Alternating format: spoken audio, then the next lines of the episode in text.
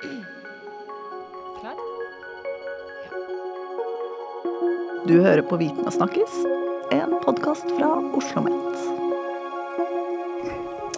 Velkommen til en ny episode av podkasten Viten og snakkes. Jeg heter Halvor Lavoll, og jeg sitter fortsatt hjemme på soverommet mitt omgitt av dyne og pute for å skape et eller annet form for studiostemning. For det er fortsatt koronatider, og alle sitter hjemme. Og i tillegg til å sitte hjemme i koronatider, så er det nå påske. Vi er midt i, i påskeferien. Eh, og Da oppdaget jeg på Twitter her om dagen at Gro Sandskjær Hansen fra, fra Niber her på Oslo satt og tvitra om noen gode turforslag. Og Da var det jo naturlig å bare ta kontakt med henne og si hei, disse turforslagene må vi dele videre. Og Da sa hun selvsagt ja med en gang, og inviterte med sin gode venn Even Smith Wergeland. Så velkommen begge to. Tusen takk. Mange takk. Eh, vi får ta den, vår gjest først, da, den, den, eksterne gjesten. Even, eh, du kommer fra Arkitekthøgskolen? Det stemmer. Arkitektur- og Designhøgskolen. Det må vi alltid si, hvis ikke blir de på design veldig triste og leie. Og det ønsker vi jo ikke at skal skje. Nei. Men jo, det stemmer. Jeg jobber der til vanlig. Nå er jeg riktignok i pappapermisjon, så jeg lever et ja, til situasjonen å være vanlig liv, da. ja, så bra. Det er veldig hyggelig å ha deg med, eh, Even. Og så eh, Gro Sandskjær Hansen, du jobber på, på Niber som et forskningsinstitutt uh, hos oss. Hva gjør du der? Der forsker jeg på byutvikling. og I tillegg så er jeg professor to på NMBU, hvor vi utdanner by- og regionplanleggere. Så jeg er litt over gjennomsnittet interessert i omgivelsene. Men jeg er jo en statsviter og kan jo egentlig ingenting om omgivelsene. Å, oh, du er statsviter, ja. Hva som bringer deg fra statsvitenskapen over i arkitekturen? Det er jo eh, fordi at hvis vi skal få en god by, så trenger vi begge deler. Vi trenger på en måte styre det i en retning og få inn de kvalitetene vi trenger. Og de kvalitetene, det er jo mye, mye har med arkitektur å gjøre. Fantastisk. Eh, det vi skal snakke om, er at byen vår er jo fullt opp med masse små, kanskje ukjente perler, spesielt for meg. Eh, som Jeg har liksom vært heldig å følge dere på Twitter nå og, se, og, og oppdage masse nytt. Um, og, og, da altså, men liksom grunnleggende, hva, hva, er grunnen til at vi skal måte, gå ut og kikke på arkitektur? Er det noe for folk flest? Ja, altså jeg, Grunnen til at jeg begynte å tvitre om dette akkurat nå, var jo at jeg hadde en idé om å starte en babyvandring. Eh, dels fordi jeg nå er sultefòra på eh, fag. eh, men eh, rett og slett fordi at det sto med at i veldig mange ulike deler av byen så er det fantastisk mye artig å se på. Enten spektakulære ting, kjente bygninger osv., men det er òg ganske mye hverdagslig som ligger rundt hushjørner der folk bor og som kan være veldig morsomt å kikke nærmere på, særlig hvis du graver opp litt ekstra kunnskap. Så det var et uh, tiltak eh, for å få meg sjøl ut på tur, uh, men òg en idé som jeg egentlig har hatt liggende noen år. Så klarte jeg å lansere den på tidenes dårligst timer tidspunkt i norgeshistorien. Men, men jeg syns det er veldig hyggelig at dette nå har fått et slags etterliv, bl.a. i denne podkasten. Ja. Og jeg eh, er jo da lokalisert i småhusbeltet i Oslo, helt oppe ved markagrensa. Og siden man ikke kan reise, så ble det mye turer rundt i eget nabolag, som i utgangspunktet var, trodde jeg, da, var blotta for eh, god arkitektur. Dette er som i Sogn, eh, Korsvoll, Kjelsås-området. Så jeg ble jo veldig overraska og glad når jeg oppdaga at det var mye spennende Eh, arkitekturhistorie her òg. Og noe av det som vi ønsker, er jo å få folk til å oppleve sin nære, nære arkitektur. Å gå i nærområdene sine og få aha-opplevelser. Og se hva er dette hva er dette bygget, hva er det for? Og dette har kanskje et litt uh, mer fokus på nyttearkitekturen. Og hverdagsarkitekturen. Og også produksjonsarkitekturen i by, som vi skal snakke litt mer om.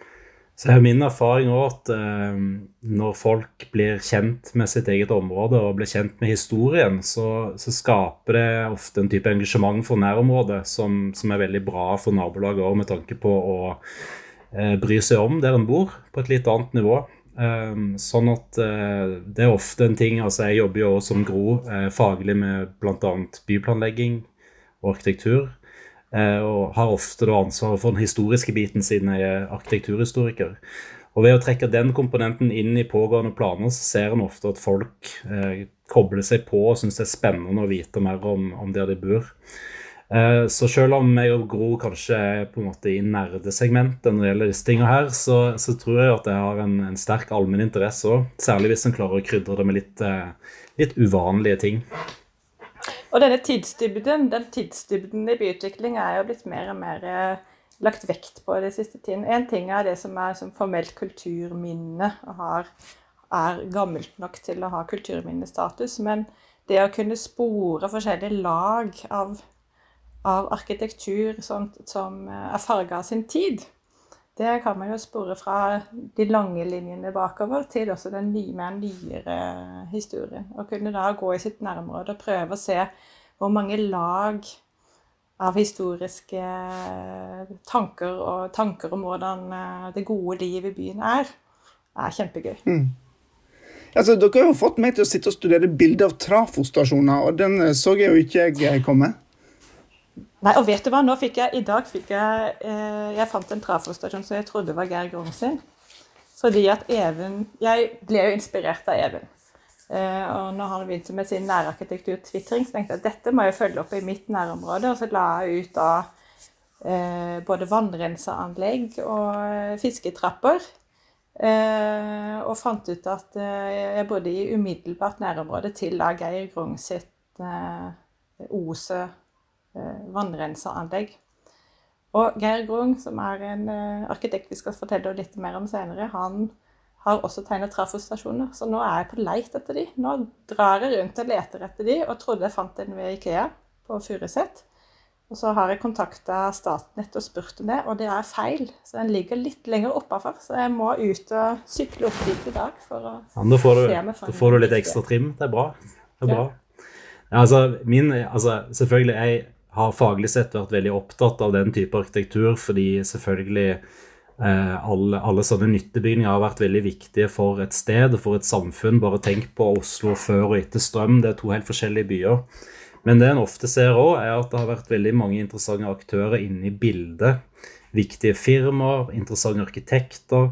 Eh, kanskje interessante investorer, de som har brukt penger på ting. Sånn at ved å gå etter den type bygninger, så forstår en ofte litt mer av de kreftene som har vært til stede i et nabolag og vært med på å forme det helt fra starten.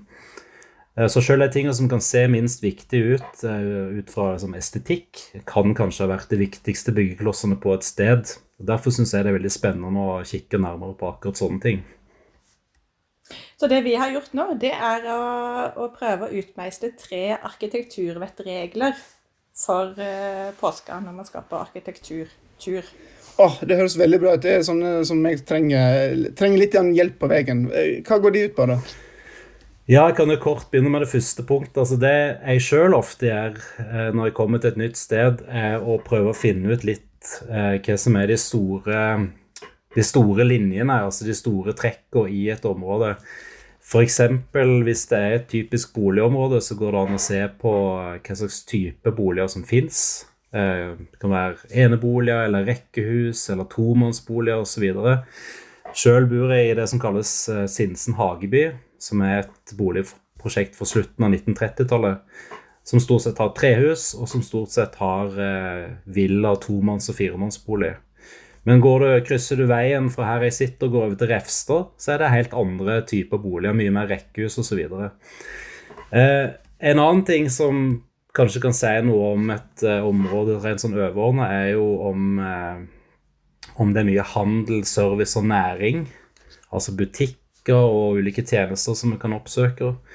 Og da kan det være morsomt å se litt på ja, hva slags butikker er det egentlig her. Er det mest kjeder, eller er det andre ting? Ofte så dukker det opp et eller annet uventa. F.eks. her på Sinsen og på grensa mot Løren så har det nettopp kommet en, eh, en, butikk for eh, bytting av barneklær som heter Green Kids. Som er et sånn fint lite initiativ som foreløpig bare er på Løren, så vidt jeg vet. Jeg vet ikke om du, Gro, kjenner til andre eksempel i Oslo? Eh, nei, men eh, de hadde også på Løren dette dataspillestedet. Hva het det? The House of Nerds, ja. House of Nerds. Det er jo det eneste. Det er jo folk uh, farte, valfarte langveisfra for å komme dit. Mm. Altså Begge de to eksemplene er sånne typiske ting som, uh, som du uh, kan finne. Og de fleste nabolag har et eller annet som bare ligger akkurat der. enten en type butikk eller et eller annet. Og Det tredje punktet som kan være det sånn overordna på å begynne med, er jo de store institusjonene. Eh, skolebygninger, idrettsanlegg, bibliotek eh, osv. Og, og samtidig det som da vi er veldig opptatt av, nemlig nyttebygninger, kraftstasjoner, lager, fabrikker og andre ting. Så hvis en starter litt med disse store byggeklossene, så, så, så skjønner en litt eh, om hva området består av, og hvordan det er organisert. Hvordan ting ligger i forhold til hverandre, osv. Dette er vel ting som du har jobber med når dere kartlegger området i, i planer, Gro? Ja, dette er jo sånn de store strukturene som legges i de overordnede planene. Og derfor er jo det så viktig med, med en mer statsvitenskapelig vinkling også. Og se hva slags styringsvirkemidler brukes for å legge disse lange linjene. Disse store løpene. Hva, hvordan skal vi mikse? Hva slags miks skal vi ha, f.eks. Eh, når vi nå skal bygge rundt knutepunkter og mikse forskjellige funksjoner sammen. Ja, men hva slags miks er gode mikser? Hvordan prøver man å styre f.eks. innholdet i den næringsvirksomheten og næringsbyggene som man legger til rette for? Det er masse å si for hvordan dette fungerer som, som eh, bysamfunn. Og Der er du inne på et punkt som ofte skiller litt nyere deler av byen fra eldre, nemlig at de gamle områdene ofte er ganske sonedelt. At du har boliger samler på ett sted, og så har du butikker ett sted osv. Ser du på pågående byutviklingsprosjekt, f.eks. på Løren og nedover mot Økeren, så forsøker du å blande funksjonene litt mer. Så ved å få oversikt på hva nabolaget inneholder, og litt hvor ting ligger i forhold til hverandre, så kan en få en idé om når dette har blitt utvikla, f.eks. For det er jo det store paradigmeskiftet i byutviklingen sant? med de siste tiårene. Fra liksom 60-tallet soneinndelte, at man skulle i bo i suburbia, og så skulle man jobbe andre steder. Og så skulle man på en måte skille arbeid og bosted. Mens eh, det som er kommet inn med klimadiskursen, er en mye mer eh, kompakthet. At alt skal knippes sammen, og det skal være blanda funksjoner. Vi skal helst ikke bevege oss så mye mer enn ti minutters gange frem tilbake for å nå våre akser i livet. Og Samtidig er det jo sånn hvis du skal drive butikk i et område, så er det en fordel at det ligger litt andre ting ved den butikken, sånn at folk ikke nødvendigvis bare drar dit for å handle, men at du kan gjøre mange ting rundt der du bor. da. Litt til kontrast til hvis du ser på måten mange drabantbyer ble bygd opp på 50- og 60-tallet, så hadde du ett senter som skulle levere alt. Og det viser seg å være ganske vanskelig å få til i praksis. Eh, fordi folk gjerne ønsker litt mer variasjon, da. Nå har vi altså bud én, arkitekturvedtaket én av de store linjene. Hva er nummer to? Nummer to, da er jeg rett og slett å zoome litt mer inn. Fordi når en har fått en viss oversikt over området, så kan det jo være morsomt å se eh, litt om, om det finnes noen særegne detaljer. Det kan jo være en eh, enkeltstående bygning som skiller seg ut. Her i Sinsen Hageby, som jeg nevnte, så er jo nesten alt laga av tre. Men det er ett hus som er laga av mur. Og det ble jo jeg veldig nysgjerrig på, fordi hvorfor i all verden er det et murhus midt i trebyen, og det er fra samme periode? Jo, det var jo selvfølgelig fordi han som opprinnelig bygde det, var murmester. Så i den perioden der alle skifter til egentlig betong på 30-tallet, så ville han selvfølgelig eh, fremdeles bygge i mur. da. Så sånne ting kan det være litt eh, morsomme å, å, se på. Det kan jo òg være at eh, du finner særtrekk på detaljnivå som gir nabolaget sammenheng. F.eks. kan det være at alle takene er ganske like, eller at det er like typer gjerde osv. Og, og det er jo ofte tilfellet hvis nabolaget består av, av hus som er bygd omtrent på samme periode. En annen morsom ting, og nå kommer vi til den kategorien som jeg liker aller mest å snakke om, tror jeg, av alt, nemlig forbløffelsesverdi. I, I, mitt nabolag er det nemlig en gammel hageport i jern som er utforma som et edderkoppnett med en edderkopp midt på. Eh, det elsker jo selvsagt ungene mine å kikke på hver dag. Men det er typisk sånn ikke nødvendigvis en ting du vil legge merke til hvis du bare haster av gårde, men de fleste, de fleste nabolag har et eller annet sånn veldig artig og spesielt. Begrepet forbløffelsesverdi er for øvrig noe som Kulturminnevernet av og til bruker for å nettopp skildre noe som er så uvanlig at det forbløffer deg. Eh, jeg har hatt en drøm om at jeg en skal kunne frede et hus fordi at det bare er vanvittig forbløffende, men jeg tror ikke det har skjedd eh, foreløpig. Men jeg tror vi må, holde, vi må, prøve å fremme denne forbløffelsesverdien, sånn få litt større, større, verdi også i byutviklingssammenheng. Og jeg har prøvd å tenke igjennom hmm, hva er det jeg har på min liste for beløffelsesverdier? Og da er det kanskje to ting som uh, jeg har funnet. Og det ene er er Ulvetrappa og Evalryggtrappa i Ila, eh, på Ila, som eh, jo er noen skrubbsultne varger som står frem, og som er bare helt fantastisk eh, annerledes. Ved en sånn formfin og fin arkitektur så kommer dette, disse rå dyrene. Og man blir rett og slett forbløffet av det. Og en annen ting som jeg har veldig lyst til å trekke frem, det er den nye T-banestasjonen på Løren. Det er eh, noe av det mest forbløffende jeg har sett. For i, eh, på den T-banestasjonen så har man valgt å male et freskomaleri. Det er altså en middelaldersteknikk. Eh, og det er Sverre Müller som har malt Blå stasjon.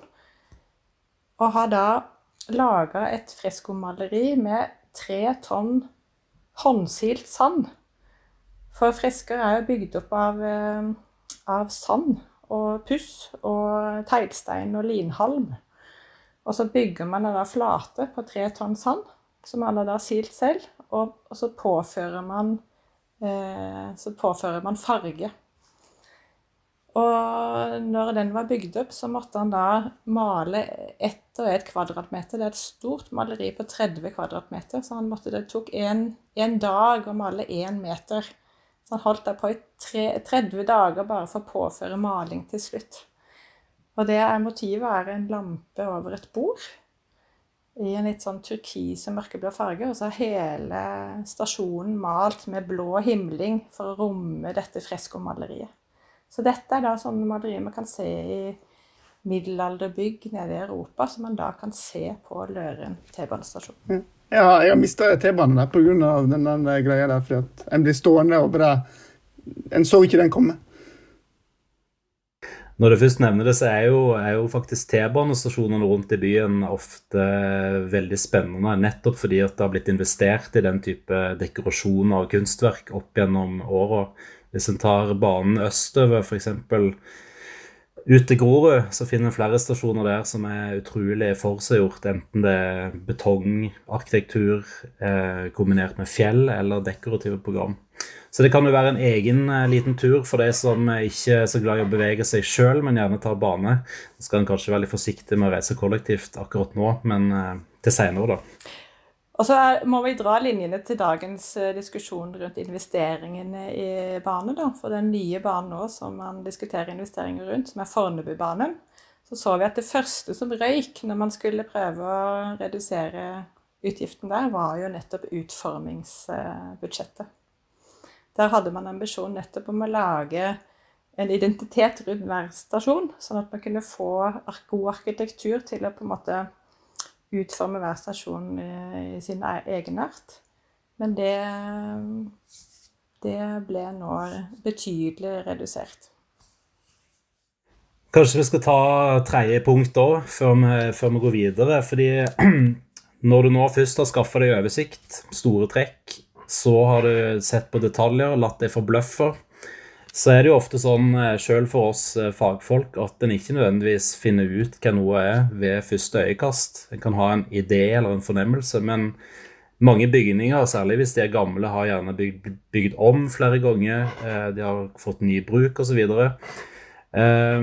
Litt av det poenget jeg ønsket å trekke fram i denne katastrofalt dårlig tima babyvandringen, var jo at Betong for eksempel, er et materiale som blir brukt til veldig mye forskjellig, men det er veldig ofte sånn at det blir kledd inn med tre osv. Og, og alle bygninger i et nabolag vil som regel ha en ganske interessant bygningshistorie.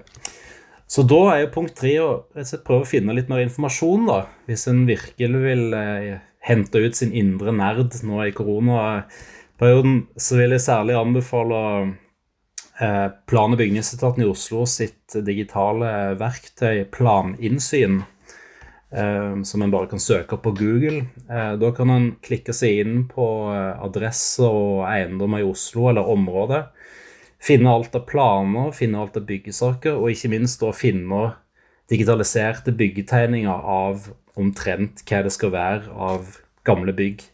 Så det er virkelig et fantastisk arkiv for den som ønsker å finne mer ut om eh, sitt eget nabolag. Kanskje snike litt eh, på når naboen bygde om pipa, den type ting. Altså, det, det, er mange muligheter. Det er iallfall et veldig rikt arkiv da, for den som ønsker å, å finne litt mer ut om eh, sitt eget nærområde. Så det vandrer rundt og har den på mobilen attmed seg, da, så du får en sånn komplett eh, opplevelse der. Selvfølgelig, den ekte nerden vil jo foretrekke det. Ha arkivet med eh, on the road. Uh, Sjøl er jeg nok mer typen som liker å ta det når jeg er ferdig i ro og mak med en kaffekopp hjemme. Men, uh, men, det er fullt mulig ja, å ha det med. Men vi har jo også tenkt at vi har lyst til å anbefale noen turer, da en litt, liten liste over, uh, over, ting vi ønsker folk skal se. Absolutt. Og så kan jeg bare si det til de som hører på nå før, for det, denne lista jeg har gleda meg ekstra til nå, er, at uh, sammen med podkasten her så skal jeg skrive en liten sånn sak. Så Der kommer jeg å legge ut lenke til denne eh, plan- og bygg-kunnskapsbasen som Even nettopp snakka om. Og så skal vi òg denne lista, den dere nå skal gå gjennom Skriv den ut, sånn at da slipper du som hører på, ikke trenger ikke sitte og notere alt nå, for du finner alt på, på nettsidene. Der. Så da er jeg klar. Hvor skal jeg, hvor skal jeg legge påsketurene mine nå, Gro? Vi har jo da tatt utgangspunkt i produksjonsbyen for å se på uh, produksjonens arkitektur og egentlig produksjonens plass i byen og i våre nærområder. Og det er en litt sånn uh, grunn til det at vi ser jo at byen har alltid vært et sted hvor industrien har, eh, eh, har eh, grodd frem, og det produseres ting. Men den globale tendensen de siste årene har jo vært at produksjonen flyttes ut av byen, ut av landet, og gjerne til Asia. Og vi ser der på en måte at byen tømmes for produksjon, og inn så kommer en mer sånn boligfisering. Man gjør det om til boliger. Og de store transformasjonsprosjektene f.eks. i Oslo har jo vært rundt Aker Brygge, rundt Hovenby nå. Eh, er på en måte å fylle noen av disse områdene, Kvernebyen. Fylle disse byggene og stedene som har vært produksjonssteder, med til å bli boligområder. Som flerfunksjonelle, men, men veldig mye boliger. Eh, og det ser vi i andre europeiske byer også. Men det andre europeiske byer har begynt å gjøre, er å se at hvis du virkelig skal ha mer en mer klimavennlig eh, produksjon og sirkulær økonomi, og tenke litt mer økonomi, nei, tenke litt mer eh, klimavennlig produksjon, så bør, del, bør man ta tilbake en del av produksjonen i byen. Så f.eks. har byer som Brussel begynt å planlegge for eh, småproduksjon i by. Så de har i store byutviklingsprosjekt så legger de reguleringsbestemmelser som krever rundt 20% av arealet skal da forbeholdes små, småproduksjon. Og da ikke forurensende produksjon. For nettopp å få det aspektet også inn i byen. Det er jo veldig viktig, sånn som du var inne på, at uh, jeg tror vi alle skal være glad for at vi ikke lever i uh, sentrale byområder som har tung forurensning, sånn som tilfellet var før.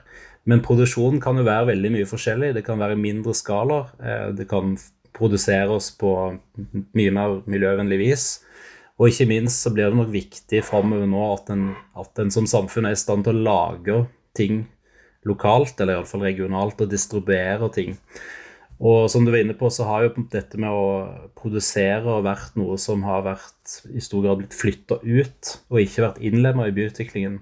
Men ennå så har jo de fleste byer inkludert Oslo, gjenværende produksjonsfasiliteter inne i byen som kan tas i bruk på nye måter. Og Det syns vi er ganske spennende å se på. Ja, og så er det også dette med dannelsesaspektet. At det, å se et sted og det å se og skjønne at her er det det vi bruker og, og forbruker, er lagd av noen som jobber her og har dette som sitt arbeid. Også for våre barn. på en måte Å kunne vise frem hele den kretsløpet til, eh, til varer og ting er ganske viktig nå for å unngå dette bruk- og vi satt både Even og jeg satt i Råd for byarkitektur. Eh, og en av de som vant eh, Oslo bys arkitekturpris et år, det var Mills produksjonslokaler på ved Sofienbergparken. De har flytta ut selve produksjonen, men de har beholdt det gamle bygget fra 1960-tallet og totalt transformert det.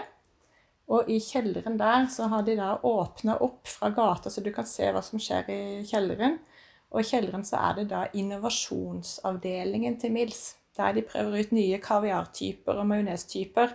Der kan du da gå forbi og se at de tester ut nye typer.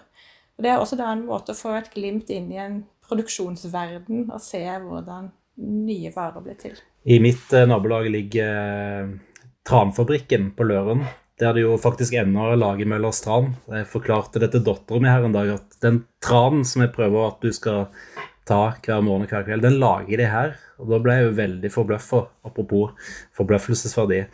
Um, men det, det, det, tror jeg er et veldig viktig poeng at vi som eh, samfunn ikke mister kontakten med, uh, med produksjon, altså i betydningen at vi bare ser på noe som eh, som vi ønsker å kvitte oss med. Eh, det er faktisk noe vi trenger å ha rundt oss òg, og, og, balansere det opp mot andre hensyn. Hvis vi da skal gå inn på, på lista vår, så kom jo jeg med ett sted i byen som jeg vil si at det er selve kjernen, grunnen til at Oslo i det hele tatt ble den byen den ble på 1800-tallet, nemlig industrianleggene som ligger langs Akerselva. Eh, nå er jo Akerselva en ganske lang elv. Eh, det er mye det går an å se. Men det stedet jeg vil anbefale kanskje som et startpunkt, er det som ligger eh, nord på Grünerløkka, altså på grensa mellom Grünerløkka og Sagene, rundt fossen og, og det gamle Jula veveri som i dag er et eh, kontor- og arbeidssted primært. Og Det anlegget der, som er sånn svært teglsteinsbygg fra midten av 1800-tallet, var i sin tid et av de aller største tekstilproduksjonsstedene i hele Europa. Det er ganske fascinerende å tenke på at, eh, at det faktisk lå i Oslo og var en, eh, var en enorm økonomisk drivfaktor for byen. Og langs elveløpet så finner du flere sånne. Eh, det som i tillegg er fint med elva, så klart, er at det lar seg kombinere fint med en tur. Og der en nå kan se på den utrolig flotte opparbeidelsen av landskapet i og langs elva, som jeg tenker at det er kanskje det flotteste som har skjedd i løpet av mine ti år i Oslo. Måten en har rusta opp Akerselva. Så der har en eh, industri og natur i, i flott eh, kombinasjon. Og Da må man da fortsette opp elva gjennom Nydalen, hvor også industrilokalene blir tatt i bruk på en ny måte. Og helt opp til eh, Kjelsås, der som elva på en måte når Maridalsvannet, der elva begynner ved Maridalsvannet. Der er nummer to på lista, og det er Tandberg radiofabrikk. ligger der. Og det er på en måte litt av den nye industrien, den nye tiden. Så Tandberg begynte på 1930-tallet, men i, utover i 1950-tallet, eh, i 1951, så bygde de denne fabrikken på Brekke. Med fabrikklokale, laboratorium og forskningsanlegg. Og på det meste så jobbet det 370 ansatte der. Det gikk eh, etter hvert dårlig, men, men Tandberg radiofabrikk fortsatte og ble til Tandberg Data, som måtte ta oss med den nye tiden. Eh, og flyttet etter hvert til Skullerud. Det som er litt spesielt med både fabrikkanlegget på Brekke og fabrikkanlegget på Skullerud, det er at de begge har en dansepaviljong i betong. Et amfi, sånn amfiteater, det kan du se på disse Twitter-meldingene våre. Eh, et lite amfidansepaviljong med med benker, hvor man da kunne ha mer kulturarrangement for sine arbeidere. Det eh, historien om, om Skullerudfabrikken eh, er at det er blitt omgjort og fått et nytt innhold. Det er eh, nå fylt med en av tror, Oslos største klatrehall. Så hvis man er litt aktiv, eh, så kan man etter koronatiden dra og klatre der. Men det som er spesielt med fabrikkanlegget på Brekke, det er at det er fortsatt som et produksjonslokale. Også der så ble det eh, solgt i 2007. Og omgjort, en god del ble omgjort til boliger, som veldig mye av denne produksjonslokalene blir langs elva. Men selve produksjonshallen, den runde hallen med rundt tak, er faktisk eh, fremdeles produksjon. Der kjøpte farmasiselskapet Axis Shield dette bygget og har innredet til en helt type moderne fabrikk for produksjon av avansert prøvetakingsutstyr. Så det lever videre med produksjon. Mm. Men dere, jeg må bare spørre, dette med at, at fabrikkene en gang la til rette for at de ansatte skulle få en god dose kultur. Jeg har òg vært på konsert i, i, Det heter kanskje ikke Freia nå lenger, men, men i sjokoladefabrikken på Grünerløkka har vi en fantastisk eh, med er det Munch-maleri rundt der og en hage. Og nå nevnte du paviljongene og sånne ting. Ser vi det i dag eh, lenger, at en legger til rette for sånne type kultur for, i arkitekturen? Ja, men kanskje ikke fysisk. Altså eh, Freias eh, sjokoladefabrikk er kanskje den som, hvor man virkelig eh, brukte mye ressurser for å få kultur til arbeidene sine. Og det samme her da med Tandberg. Man har jo eh, en mer ikke-fysisk eh, satsing på kultur kanskje til folket nå. Hva sier du, Even? Jo, jeg er litt enig. Jeg satt og tenkte på om jeg kom på noen nye fabrikkbygg som har den funksjonen innbakt. Det kommer jeg i alle fall ikke på, men eh, kanskje noen kan eh, skrive om dette på Twitter hvis de hører på podkasten. Men ellers så, så, stemmer det jo eh, et annet anlegg vi har på lista vår. Jeg kan jo ta det først som sist, siden vi er inne på dette temaet. Standard telefon- og kabelfabrikk på Økern, i dag kjent som Kabelgata. Som jo var et annet eksempel på et stort firma som bygde seg opp fra starten av 1900-tallet eh, og utover, og lagde en rekke eh, fritids- og rekreasjonstilbud til arbeiderne. Så han hadde en eh, form for sosial velferd knytta til bedriften. I tillegg så betalte en for boligutbygging og i alle fall bisto med leie osv. En hadde helsetjenester og alt mulig. Og Hvis en går til Kabelgata i dag, så er den store måtte, samfunnshistorien absolutt en del av den arkitekturen som ligger der. Fordi det var en kombinasjon av å være produksjonsfasiliteter som var på sitt største på 70-tallet eh, et av de største firmaene i Norge. Eh, men det var kombinert med en idé om at, eh, at du skal føle deg vel ved å jobbe på det stedet, og du skal ha det bra. Og trivselen, enten du er på jobb eller på fritida, var, var veldig viktig. For øvrig så er Kabelgata interessant, både fordi at eh, det er enormt mange store norske arkitekter som var inne og, og tegna der, bl.a. Geir Grung. Eh, men òg fordi at det er et eksempel på et bygg som, eh, som har snudd veldig med tanke på gjenbruk. Det er ikke så veldig mange år siden jeg skrev et bokkapittel om Kabelgata, og da skulle mesteparten av det rives. Så min vinkling var jo rimelig kritisk da, med tanke på vern. Men nå har eh, samme firma som er i det ennå, Okser Eiendom, snudd helt. Eh, har bestemt seg for å ta vare på store deler av bygningsmassen og eh, bruke det nå til kulturformål. Så Det er jo et veldig morsomt eksempel på et sted som har en lang historie, som har fått en helt ny bruk, som, eh, som er i tråd kanskje med måten vi tenker gjenbruk på akkurat nå. Og vi har arrangert konferanse der, Hovedbykonferansen. Da hadde vi et internasjonalt panel oppe i toppen av kabeltårnet med utsikt over hele Groruddalen eh, oppover og hele Hovenbyen og Oslo nedover. Som er noe av det flotteste utsikten jeg har sett noensinne. Og passer veldig godt for å diskutere byutvikling. Det er kjempebra sted å ende en tur. Da kan du enten dra opp i kabeltårnet, eller du kan dra til Hotell 33, eh, som òg har toppetasje med restaurant. Eh, Hotell 33 er tegna av Erling Viksjø, samme arkitekt som sto bak regjeringskvartalet. Og det har veldig mange av de samme kvalitetene som Høgblokka.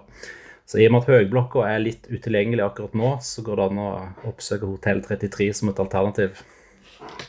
Men du var inne på Geir Grong, og da må vi på neste på lista. Fordi at både jeg og Even er litt over gjennomsnittet eh, interessert i betong. Og er det en som er eh, betongens mester, så er det Geir Grung. Og, og eh, da vil jeg fortsette litt fra Brekke, sånn til mitt nabolag. Fra Brekke der vi hadde Tandberg radiofabrikk, og gå oppover. Altså gå litt på østsida av vannet. Der møter du veldig fort Ose vannrenseanlegg. Som er det som renser alle våre Alt vårt vann som vi drikker. Eh, det er tegnet av eh, Geir Grung og ble satt i verk i 1971.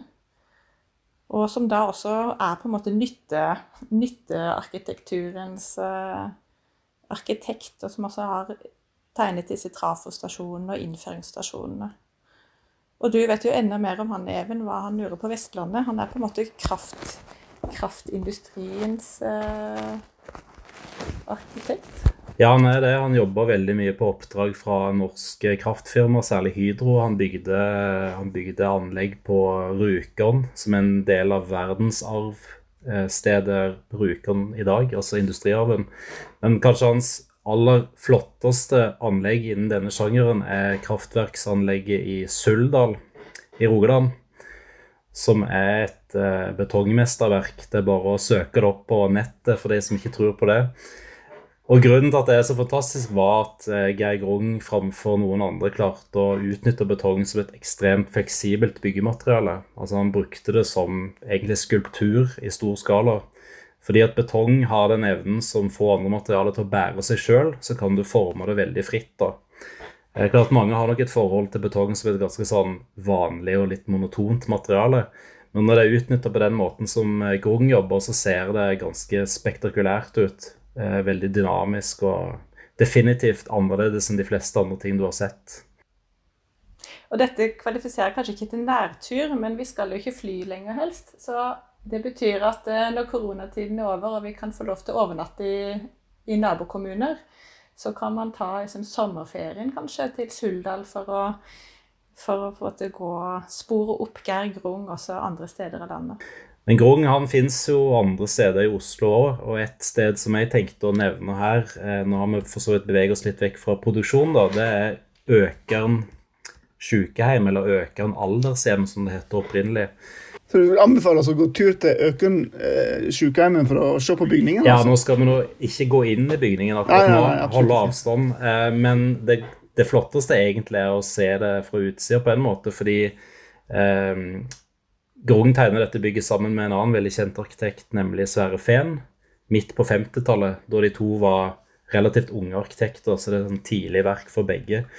Og det revolusjonerte måten en tenkte rundt aldershjem på i Norge, fordi at det handla veldig mye om å lage et bygg som eh, lå fint i et terreng, som var skjerma fra omgivelsene, og som lå plassert godt i naturen. Så det er rett og slett veldig sånn vakkert lagt på en liten bakketopp fint å gå tur der. F.eks. så kan du se Økern Aldersheim på samme tur som standard telefon- og kabelfabrikk, hvis en ønsker det. Men det er igjen en, en, flott naturopplevelse der du har et bygg som er veldig tilpassa eh, omgivelsene, og som samtidig da skjermer aldershjemmet fra området rundt. For inne i midten av dette aldershjemmet så ligger det et flott atrium. Så den måten å tenke aldershjem på mer som en sånn stille, litt sånn retreat, var ganske ny da disse tegner dette i sin tid. Og dette er jo noe av det mest formfullendte bygget du har i Oslo.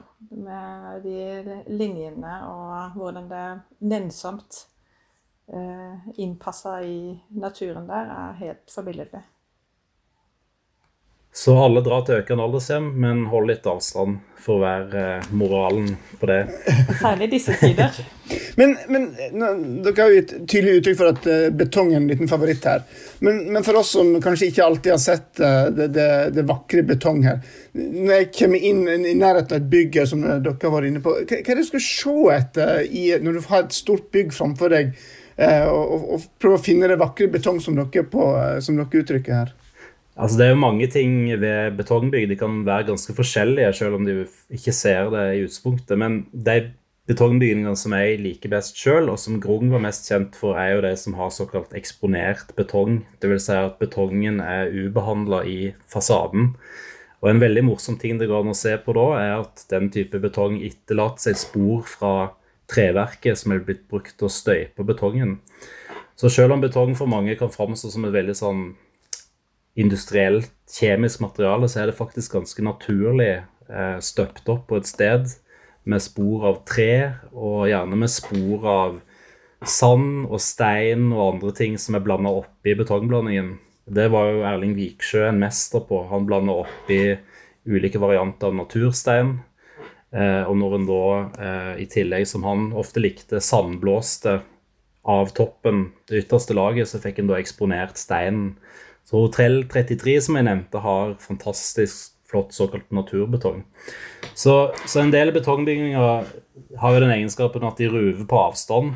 Eh, men når du kommer tett på dem, så ser du ting som du kanskje ikke hadde tenkt at du skulle få oppleve.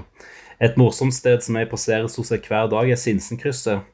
Heller ikke stedet der folk drar på sightseeing, kanskje. Men akkurat den effekten eh, med sånn støpt betong i ulike varianter, den ser du veldig fint når du er inne i midten av, eh, av det trafikkrysset.